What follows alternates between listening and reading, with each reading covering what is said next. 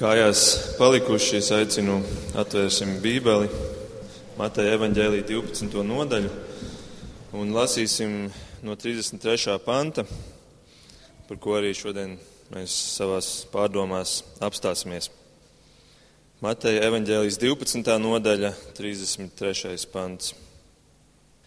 Vai nu padariet koku labu un viņa augļus labus, vai arī padariet koku nelāgu un viņa augļus sliktus? Koku taču pazīst pēc tā augļiem. Jūs čūsku dzimums, kā jūs varat runāt labu, būdam ļauni, jo no pārpilnas sirds mute runā. Labs cilvēks no savas sirds labuma krājumiem dod labo, bet ļaunais no ļaunā krājumiem dod ļauno. Bet es jums saku, par visu tukšo runāšanu, ko cilvēki runājuši, tiesas dienā tiem būs jānorēķinās jo pēc saviem vārdiem tu tiksi attaisnots, un pēc saviem vārdiem tu tiksi notiesāts. Debes Tēvs, lūdzu, svētī šo vārdu pie mums katra. Tavs vārds ir patiesība. Amen. Lūdzu, sēdieties. Es jūs sveicu šodien šajā mūžības svētdienā, jeb kā mēs mēdzam arī teikt, mirušo piemiņas dienā. Un šodien pārdomās es vēlos gan atskatīties, varbūt arī uz mūsu tuviniekiem, kuri ir jau pārkāpuši mūžības slieksnim, gan arī palūkoties nākotnē uz mūsu pašu mūžības slieksni. Un to visu vēlos darīt šodienas Bībeles teksta gaismā, kas runā par cilvēka augļiem, kā mēs tikko lasījām. Par augļiem, kuri jau šajā dzīvē mums spēja atklāt kāds būs šis brīdis, kad mēs kāpsim pāri šim mūžības slieksnim. Augļi, pēc kuriem mūsu arī aizgājušie ģimenes locekļi, draugi, paziņas jau ir tikuši novērtēti. Bet mums tas vēl tikai stāv priekšā. Un šodien es vēlos šo svētrunu likt zem nosaukuma Ābols no Ābeles tālu nekrīt. Pirms netika ilga laika mēs vēl dzīvojām kādā mājā, kurai bija skaists ābeļu dārs, pilns ar dažādiem āboliem. Tik daudz, ka rudenī pat bija galvas sāpes, radīja eh, apjoms un nevarēja zāli nopļaut. Bet nu, mēs savācām šos ābolus maisos un aizvedām izpēst sulu. Un tur tu tādā saimniecībā aizved šo savus kilogramus un nodod viņus, un tad pēc pāris stundām tu vari braukt pakaļ. Un tad tu tā gaidi un domā, nu, cik tad būs man tur tie maisi, cik man būs litri. Un pēc tam tu viņus saņem un, un tad aizbrauc mājās un tad nogaršo šo pirmo malku un tu novērtē to rezultātu. Un domājot par garīgo dzīvi, es domāju, ļoti iespējams mums ir līdzīgs priekšstats, ka mēs dzīvojam un kad nonāksim beigās pie šī mūžības sliekšņa, kur mēs tiksim novērtēti pēc tiem garīgiem augļiem, un tad izšķirsies, vai es esmu derīgs vai neesmu derīgs. Bet, ziniet, šodienas tekstā Jēzus mums atklāja, ka varbūt tomēr mēs maldamies, ja mēs dzīvojam ar šādu priekšstatu.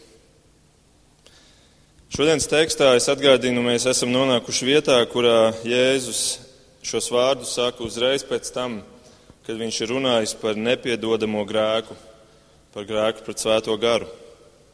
Un, ja jums interesē, kas tas ir, jūs varat noklausīties mūsu mājaslapā vīlanda.lv. Tur ir audio ieraksti. Bet tā nu šodienas tekstā Jēzus turpina pēc šīs smagās tēmas, kas tikko ir izskanējusi. Viņš turpina ar šo aicinājumu. 33. pantā viņš saka, vai nu padariet koku labu un viņa augļus labus, vai arī padariet koku nelāgu un viņa augļus sliktus. Ja mēs uzmanīgi lasām, tad šeit ir kāds svarīgs darbības vārds, un tas ir padariet. Varbūt vārds, kur mēs izlasot šo pantu kā pēdējo iespējams piefiksētu, jo tur ir daudz citi svarīgi vārdi, kā augļi un koki un labs un nelāks. Bet tā, tā pavēle šeit ir padariet. Viņš tātad rakstmācītājiem farizējiem saka, jums ir uzdevums, jūsu atbildība ir tagad padarīt vai nu labu šo koku vai sliktu koku.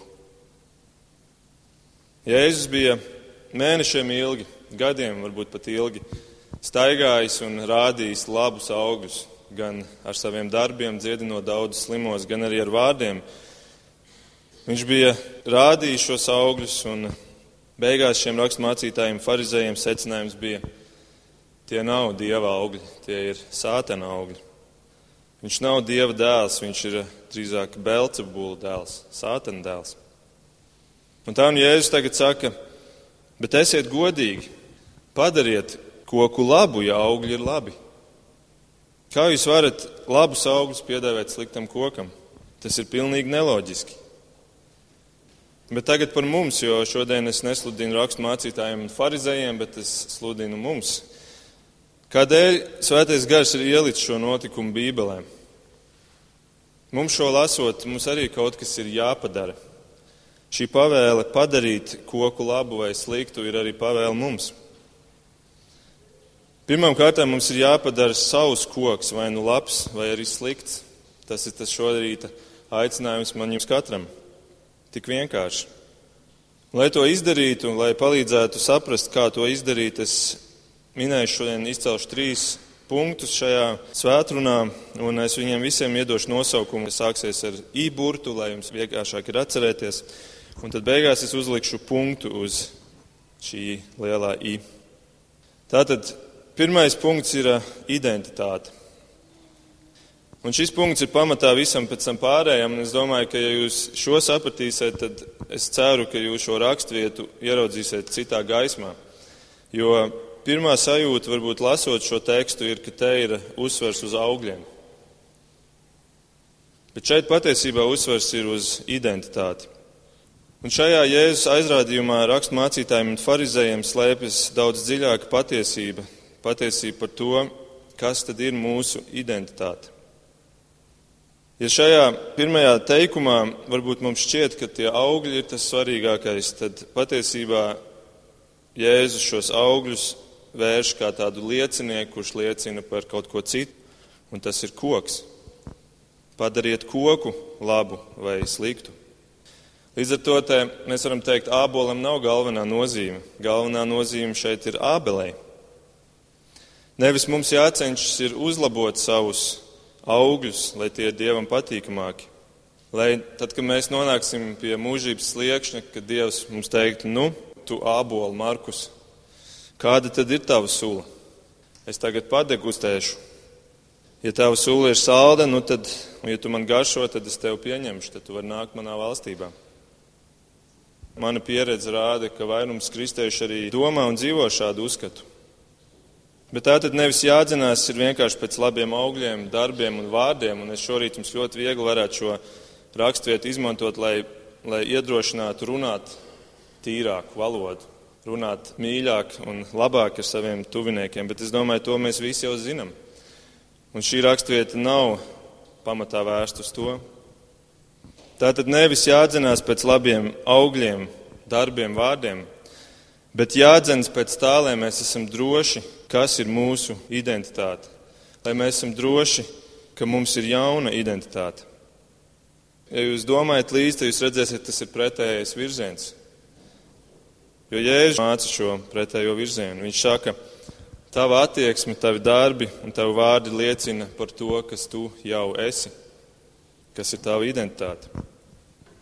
Augļi ir tāpēc, ka tu jau esi sakņots Kristū, ja tavi augļi ir labi, ka tava identitāte jau ir Kristū. Un pretēji, koks nevar nest labus augļus, ja ir slikts koks? Kokam ir jākļūst par kaut ko jaunu, citu. Viņš ir jānocērt, viņš ir jāsadedzina un ir jāiestāda jauns koks. Un tikai tad arī mēs saņemsim citus augļus. Šajā pašā dārzā, par kuru es tikko minēju, tur bija arī kāds ķirsis. Un tas deva ļoti daudz ķiršu, bet tas bija ļoti skābi. Un viņi patiesībā ne tikai bija negaršīgi un nelietojami, bet viņi pat mums apdraudēja veselību, jo viņi krita uz terases dēļiem, tur sapuva un pie dēļa kļuva ļoti slideni. Bet lūk, mēs nevaram sagaidīt, ka no šī skābā ķirša pēkšņi sāks augt labi saldi augļi. Ir jāmainās identitātei. Tā ir cita identitāte, tas ir jauns radījums, un šī doma vijās cauri visai Bībelē un īpaši jaunajai derībai.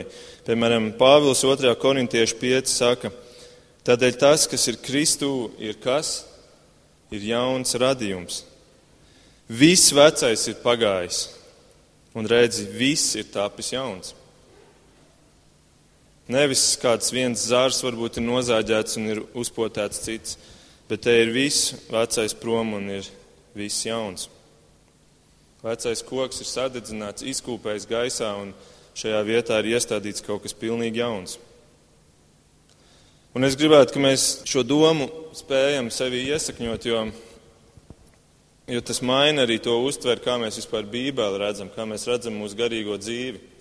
Kad Dievs mums dod šo identitāti, kad mēs esam Dieva bērni? Vai tas ir rezultāts mūsu dzīves beigās, vai tas ir kaut kas, kas ir mums noticis šajā dzīvē un ar ko mēs spējam noiet līdz dzīves beigām? Es jums vēlos dot dažus piemērus no Bībeles, lai šis domāšanas veids iesakņotos. Piemēram, Kalnu svētdienā Jēzus runā par šaurajiem vārtiem un šauru ceļu. Jautājums, kurš ir pirmais? Ceļš vai vārti? Vai šaurais ceļš, pa kuru tu ej un tu dari darbus, un tad tu dari sliktus darbus, un tu pārkāp uz plato ceļu, un tad tu dari labākus darbus, un tad atgriezies uz šaurā ceļa, un tavi vārdi un visi tavi augļi tev nosaka, pa kuru ceļu tu ej, un tad beigās, atkarībā no šiem augļiem, tu nonāc vai nu platajos vai šaurajos vārtos.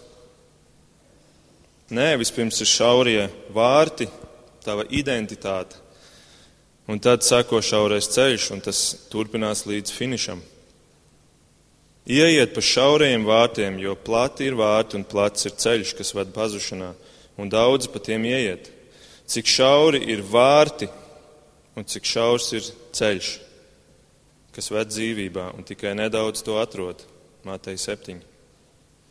Jēzus neaicina, ejiet pa šauro ceļu. Viņš saka, ieiet pa šauriem vārtiem. Jums ir jāizvēlās jūsu identitāte, un tas šaurais ceļš, ticiet man, vedīs pilnīgi citā virzienā nekā pletais ceļš. Viņi nav blakus. Tātad pirmā ir identitāte, un tad šī identitāte nosaka, kāds būs tavs ceļš ar taviem dzīves augļiem.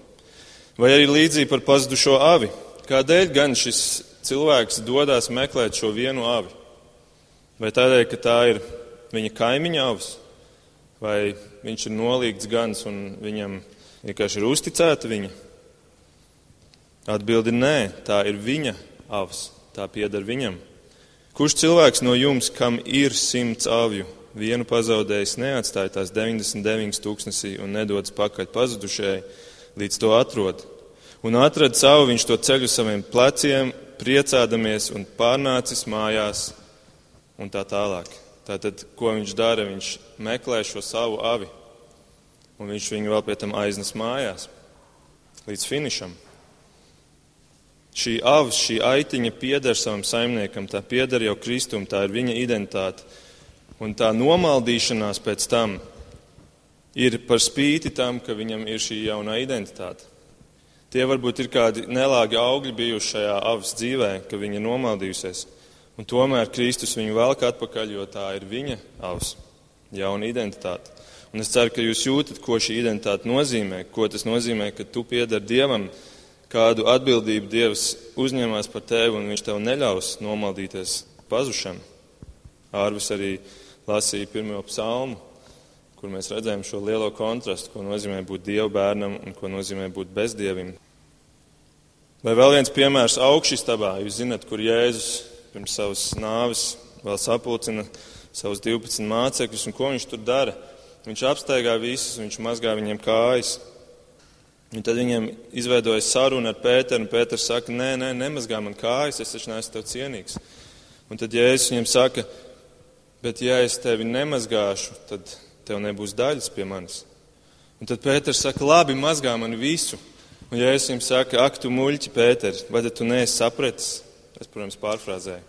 Vai tu neesi sapratis, tu jau esi viss mazgāts.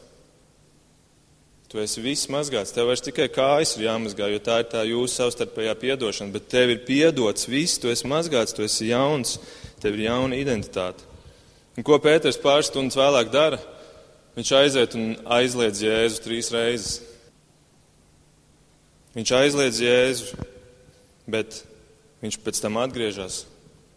Atšķirībā no Jūda izkarjota, kurš staigāja ar savu veco identitāti. Jo tad, kad Jēzus teica, jūs visi esat mazgāti, viņš teica, izņemot viens, un tas ir Jūda. Jūdam bija šī vecā identitāte, un tad, kad viņš nomaldās, tad viņš arī aiziet. Viņam nav cerības, viņš bezcerībā pakarās. Bet Pēterim ir cerība uz Kristu, jo viņš ir jauns radījums, viņš ir Kristū, un Kristus neļauj viņam aiziet prom pavisam. Tātad jauna identitāte izraisa to, ka tavi augļi būs atšķirīgi. Tava identitāte nosaka to, kādi būs tavi augļi. Vispirms ir identitāte, un tad seko darbi. Un balsoties šo, es ticu, ka mūsu mīļie aizgājušie, kurus mēs šodien arī pieminam, un es ceru ne tikai te vārdos, bet arī varbūt aizbraucot uz kapiem un kādas atmiņas pastāstot viens otram par viņiem. Bet es ticu, ka viņi pēc savu pēdējā sirdspūksta nonāca Dievu priekšā. Redzēja pirmo reizi Dievu šajā patiesajā būtībā. Un es ticu, ka bez šīs augļu degustācijas ka viņi jau bija pazīstami viens ar otru. Un ka viņiem jau bija šī dieva identitāte, šī Kristus identitāte, un viņi bija tēpti Kristus taisnībā. Un, lai cik arī viņi bija saviņoti un bijības pilni, tomēr viņi tikās ar savu kungu, kuru viņi pazina.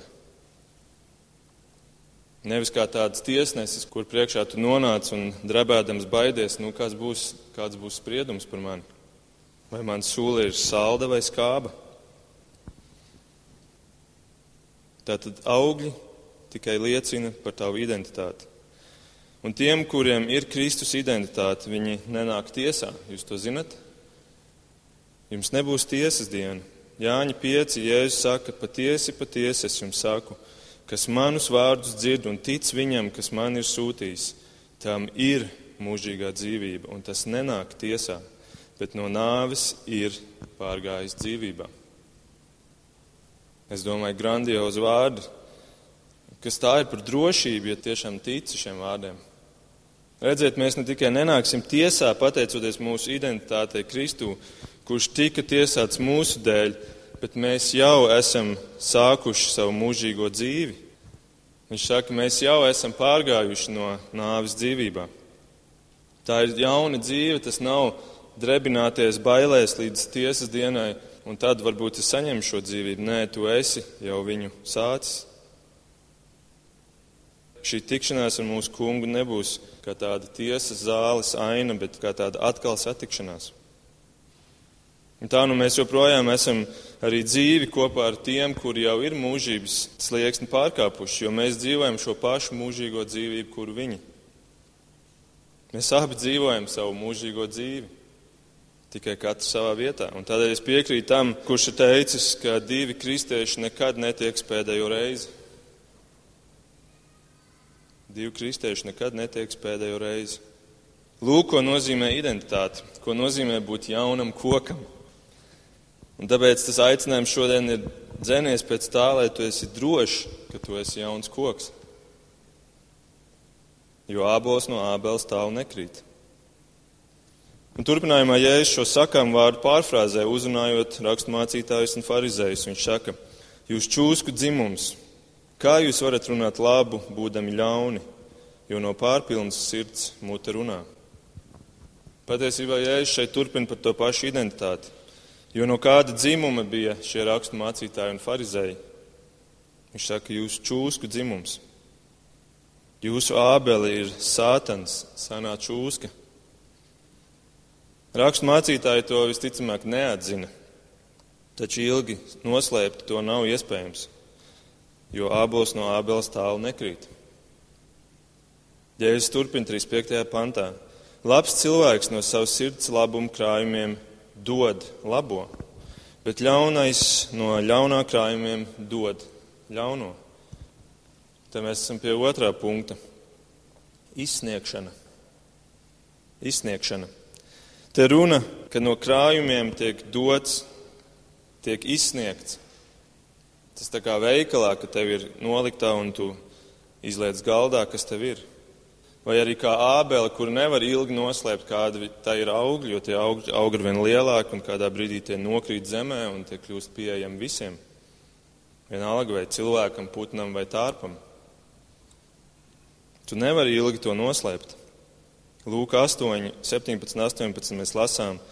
Nav nekā apslēpta, kas netaptu redzams, nav nekā noglabāta, kas reiz netaptu zināms vai nenāktu atklātībā. Tad nu pielūkojiet, kā jūs klausāties, jo kam ir, tam dos, bet kam nav, tam atņems arī to, ko tas par savu tur. Visreiz taps zināms, viss, ne tikai kādas lietas par mums, bet viss taps zināms. Un es domāju, ja mēs tā padomājam par šo vārdu viss, tad tam vajadzētu radīt satraukumu mūsos. Ja pat mēs neesam kādu noslapkavojuši vai izdarījuši kaut ko kliedzoši ļaunu, tomēr ir simts un viena lieta, kur mēs negribētu izsniegt apskatai vai degustācijai visiem. Bet, ziniet, man jums ir viena nomierinoša ziņa. Par lielo vairumu tiešām viss tiks nodots atklātībā, bet par kādiem dažiem tikai daļa nonāks atklātībā. Kāda ir atšķirība starp šīm divām cilvēku grupām? Atšķirība ir identitātē. Jo tie, kuri ir Kristus taisnoti, viņu grēki ir jau izskatīti un ir izsniegti, bet tie visi ir piedāvāti Kristum. Kristus visu šo kaunu par visām šīm lietām ir uzņēmies uz sevi un ir izcietis par to. Katra šo taisnoto cilvēku aprunāšana, katrs izteiktais lamvārds, katra sievas un vīra krāpšana, katra vardarbība, katrs aborts, katra slepkavība, tas viss jau ir piedāvāts viņam. Un tādēļ arī šie cilvēki nenāk tiesā, kā mēs lasījām. Viņiem jau Viss ir reiz izlikts gaismā, bet tas prožektors tika pagriezts uz Kristu. Bet pārējiem, pārējiem tas viss vēl tikai stāv priekšā. Tiesas dienā, kad visi pierādījumi tiks likt galdā. Un līdz tai dienai viņi joprojām no saviem sirds krājumiem izsniedz grēku pēc grēka, kas kalpos kā pierādījumi pret viņiem. Un arī šobrīd, kamēr es te runāju, notiek šī izsniegšana Visur cilvēki izsniedz to, kas ir viņu sirdīs. Tā kā tāds liels Black Friday kampaņa, kur mums bija pirms divām dienām visā pasaulē. Un šī izsniegšana liecina par tavu identitāti. Tātad identitāte, izsniegšana un trešais ir iznākums. Iznākums. Pēdējie divi panti. Bet es jums saku par visu tukšo runāšanu, ko cilvēki runājuši. Tiesas dienā tiem būs jānorēķinās jo pēc saviem vārdiem tu tiksi attaisnots, un pēc saviem vārdiem tu tiksi notiesāts.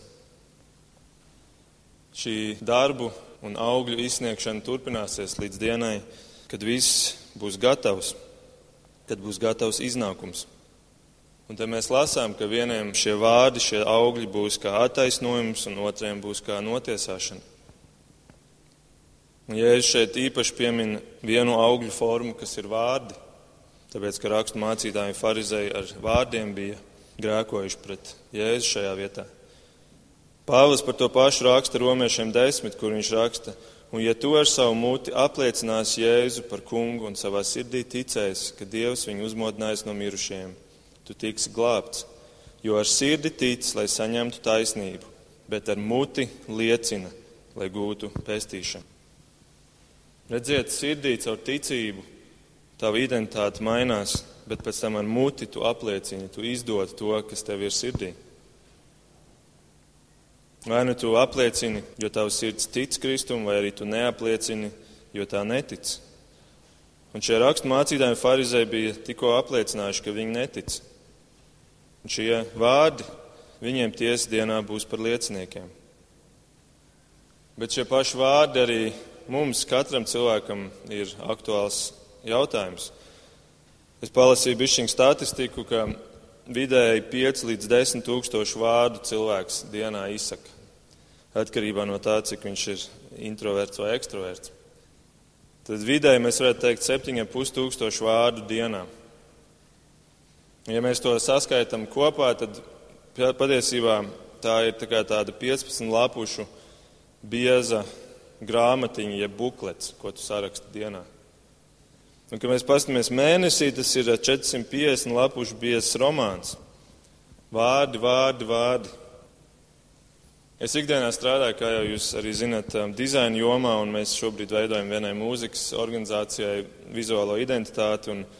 Es, es veicu arī tādu izpēti, kā darbojas skaņu viļņi. Es izpētīju, noskaidroju, ka zinātnieki ir atklājuši, ka mūsu izdziedātie un izrunātie vārdi izraisa skaņas viļņus, kas aizplūst un mūžīgi ceļo pa visumu. Tie gan maina varbūt formu, bet tās vibrācijas, kuras tie izdod, tās paliek un nekad nebeidzās. Un mēs līdz ar to varam teikt, tā ir kā tāda liela biblioteka, kas tur gaisā mums ir visumā, viss pilns visums, kur cilvēki izrunātie vārdi ir aizklējojuši. Tā kā tāda liela uzskaita par mūsu izrunātiem vārdiem. Un tomēr es, kā jau teicu, ne viss nāks gaismā tiesas dienā, jo cik tālu ir austrumi no rietumiem, tik tālu viņš atņem no mums mūsu pārkāpumus, mēs lasām. Tie ir nolikt nost, kas ir piedots, tas ir piedots, un Dievs to vairs neceļ augšā. Un tomēr kaut ko viņš cels augšā. Vai jūs ievērojāt šajā Jēzus pēdējā teikumā, ka viņš saka par visu tukšo runāšanu, ko cilvēki runājuši tiesas dienā, tiem būs jānorēķinās? Šo pāntu mēdz sagrozīt, pārfrāzējot, ka par visiem vārdiem mums būs jāatbild. Bet Jēzus to šeit nesaka. Viņš saka par visiem tukšajiem vārdiem, par visu tukšo runāšanu. Kas ir tukšā runāšana? Viss tas, kas nav ne labs, ne arī slikts. Ļaunais jau ir piedots, bet labais būtu tas, kas ceļ Dievu valstību. Tas būtu tas, kam būtu jānāk no mūsu mutēm. Mums būtu jārunā tikai tie vārdi, kuri ceļ mūsu līdzcilvēkus, kuri pagodina Dievu. Tas ir tas, ko Dievs sagaida no mums. Bet mēs runājam diezgan daudz lieku, diezgan daudz tukša. Un mums par šiem tukšajiem vārdiem, kuri nav ne Dievu pagodinoši, ne arī grēks, mums par viņiem joprojām būs jānes atbildība. Lai to paskaidrotu, paklausieties 1. korintiešiem 3, ka tur ir aprakstīta vēl viena aina par tiesu, kura nav lielā tiesas diena. Ik viens darbs kļūs redzams, tā diena to parādīs, jo tas atklāts ugunī, un kāds ik viena darbs būs bijis, to uguns pārbaudīs. Ja kāda darbs, ko tas uzcēlis, paliks, viņš saņems algu. Ja kāda darbs sadegs, viņš cietīs, tomēr tiks izglābts bet kā caur uguni. Redziet, Jēzus iepriekš teica, jums tiesas nebūs, bet šeit mēs redzam arī tie, kuri tiks izglābti, viņi tomēr tiks pārbaudīti un viņi var arī ciest no tā, ko viņi ir darījuši. Šī nav lielā tiesas diena, bet tavu darbu un tavu lieko vārdu izvērtēšana.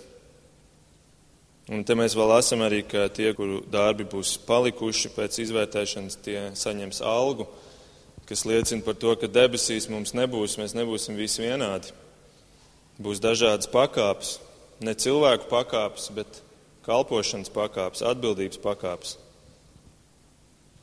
Noslēdzot, ābols no ābela stāv nekrīt. Izšķirošais jautājums līdz ar to ir, kāda ir tava ābele? Vai arī kurš ir tava ābele? Mēs šo izteicienu lietojam parasti, lai runāt par mūsu vecākiem.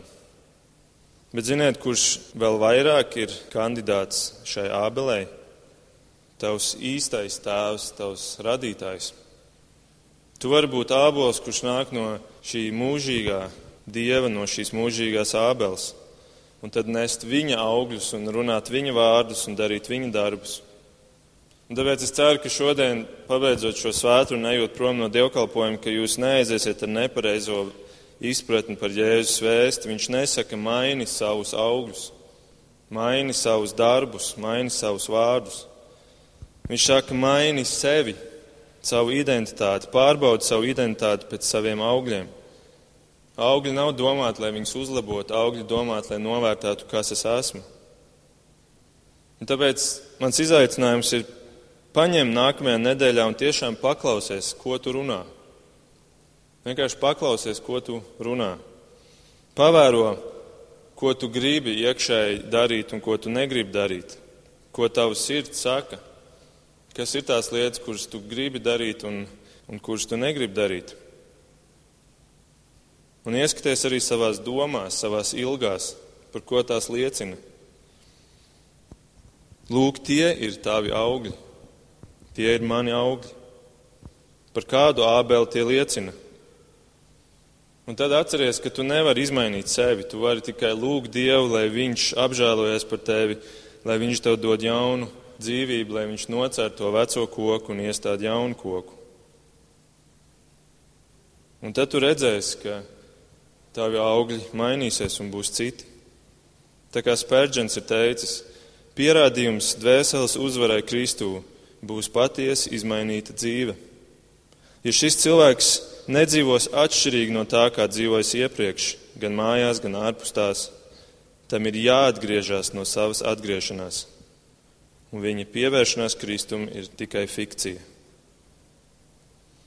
Bet, ja tu pēc sevis izvērtēšanas varēsi teikt, ka mani augļi ir labi, un to teikt pazemībā, un tu varēsi teikt, ka mani vārdi cenšas celt Dievu valstību, Un manas ilgas ir tās, kuras grib iepazīt Kristu labāk. Manas ilgas ir, ka es gribu augt atziņā par viņu. Un ka grēks ir kaut kas, ko es sāku ieraudzīt citādāk nekā pasaules to skatās. Tad slavē Dievu, jo tu jau esi pārgājis no nāves dzīvībā. Bet tu to darīsi pazemībā, jo tu apzinājies, ka tu to nespējīgs pats darīt. Un tad tu patiesi esi ābols, kurš nav kritis tālu no savas ābeles - Kristus. Lūksim. Debes Tēvs, paldies par, par šo dzīvi. Paldies, ka mēs varam būt dzīvi un šodien, šodien skatīties uz mūžību. Vēl kādi cilvēki, kuriem ir dots laiks šajā dzīvē. Paldies, Kungs, ka Tu aicini un mudini nevis uzlabot savu morālo dzīvi un dzīvot labāk, bet šos augļus, kuri nāk ārā un kuri nevar nenākt ārā, ka mēs tos varētu vērot un pārbaudīt un pieiet arī ar bijību un, un izdarīt pareizos secinājumus. Paldies, kungs, ka būt tevī tas ir tik spēcīgs stāvoklis, ka tu, ka tu mūs meklē un tu ies mums pakaļ un tu mūs vedīs atpakaļ un tu mūs sargās. Kungs, paldies tev par to. Un, Un kaut katrs, kurš šodien šeit ir, ka viņš savā mūžības dienā, ka pārkāp šo mūžības slieksni, varētu satikties ar tevi un pazīt tevi. Nevis iet bailēs pretī šai dienai, bet iet drošībā, ka mēs pazīstam tevi un mēs atkal satiekamies no jauna. Paldies arī par mūsu mīļajiem, kuri ir gājuši šo ceļu pirms mums un kuru vairs šajā laikā nav, bet paldies, ka viņi var būt mūžībā pie tevis, tie, kuri ir bijuši Kristus taisnībā tērpti. Paldies par viņiem, ka viņi ir arī nesuši mums gaismu, un paldies, kungs, ka tu joprojām darbojies ar cilvēkiem mūsu dzīvēs. Lūdzu, lieto mūs, ka mēs arī varētu būt tie, kuri citu dzīvēs nes tālāk to, un ka mūsu augļi varētu būt tādi, kuri liecina par pievilcīgu Kristu, par par skaistu ābeli, kura, kura stāvēs mūžīgi. Paldies, Tev, Kungs! To mēs lūdzam Jēzus vārdā. Āmen!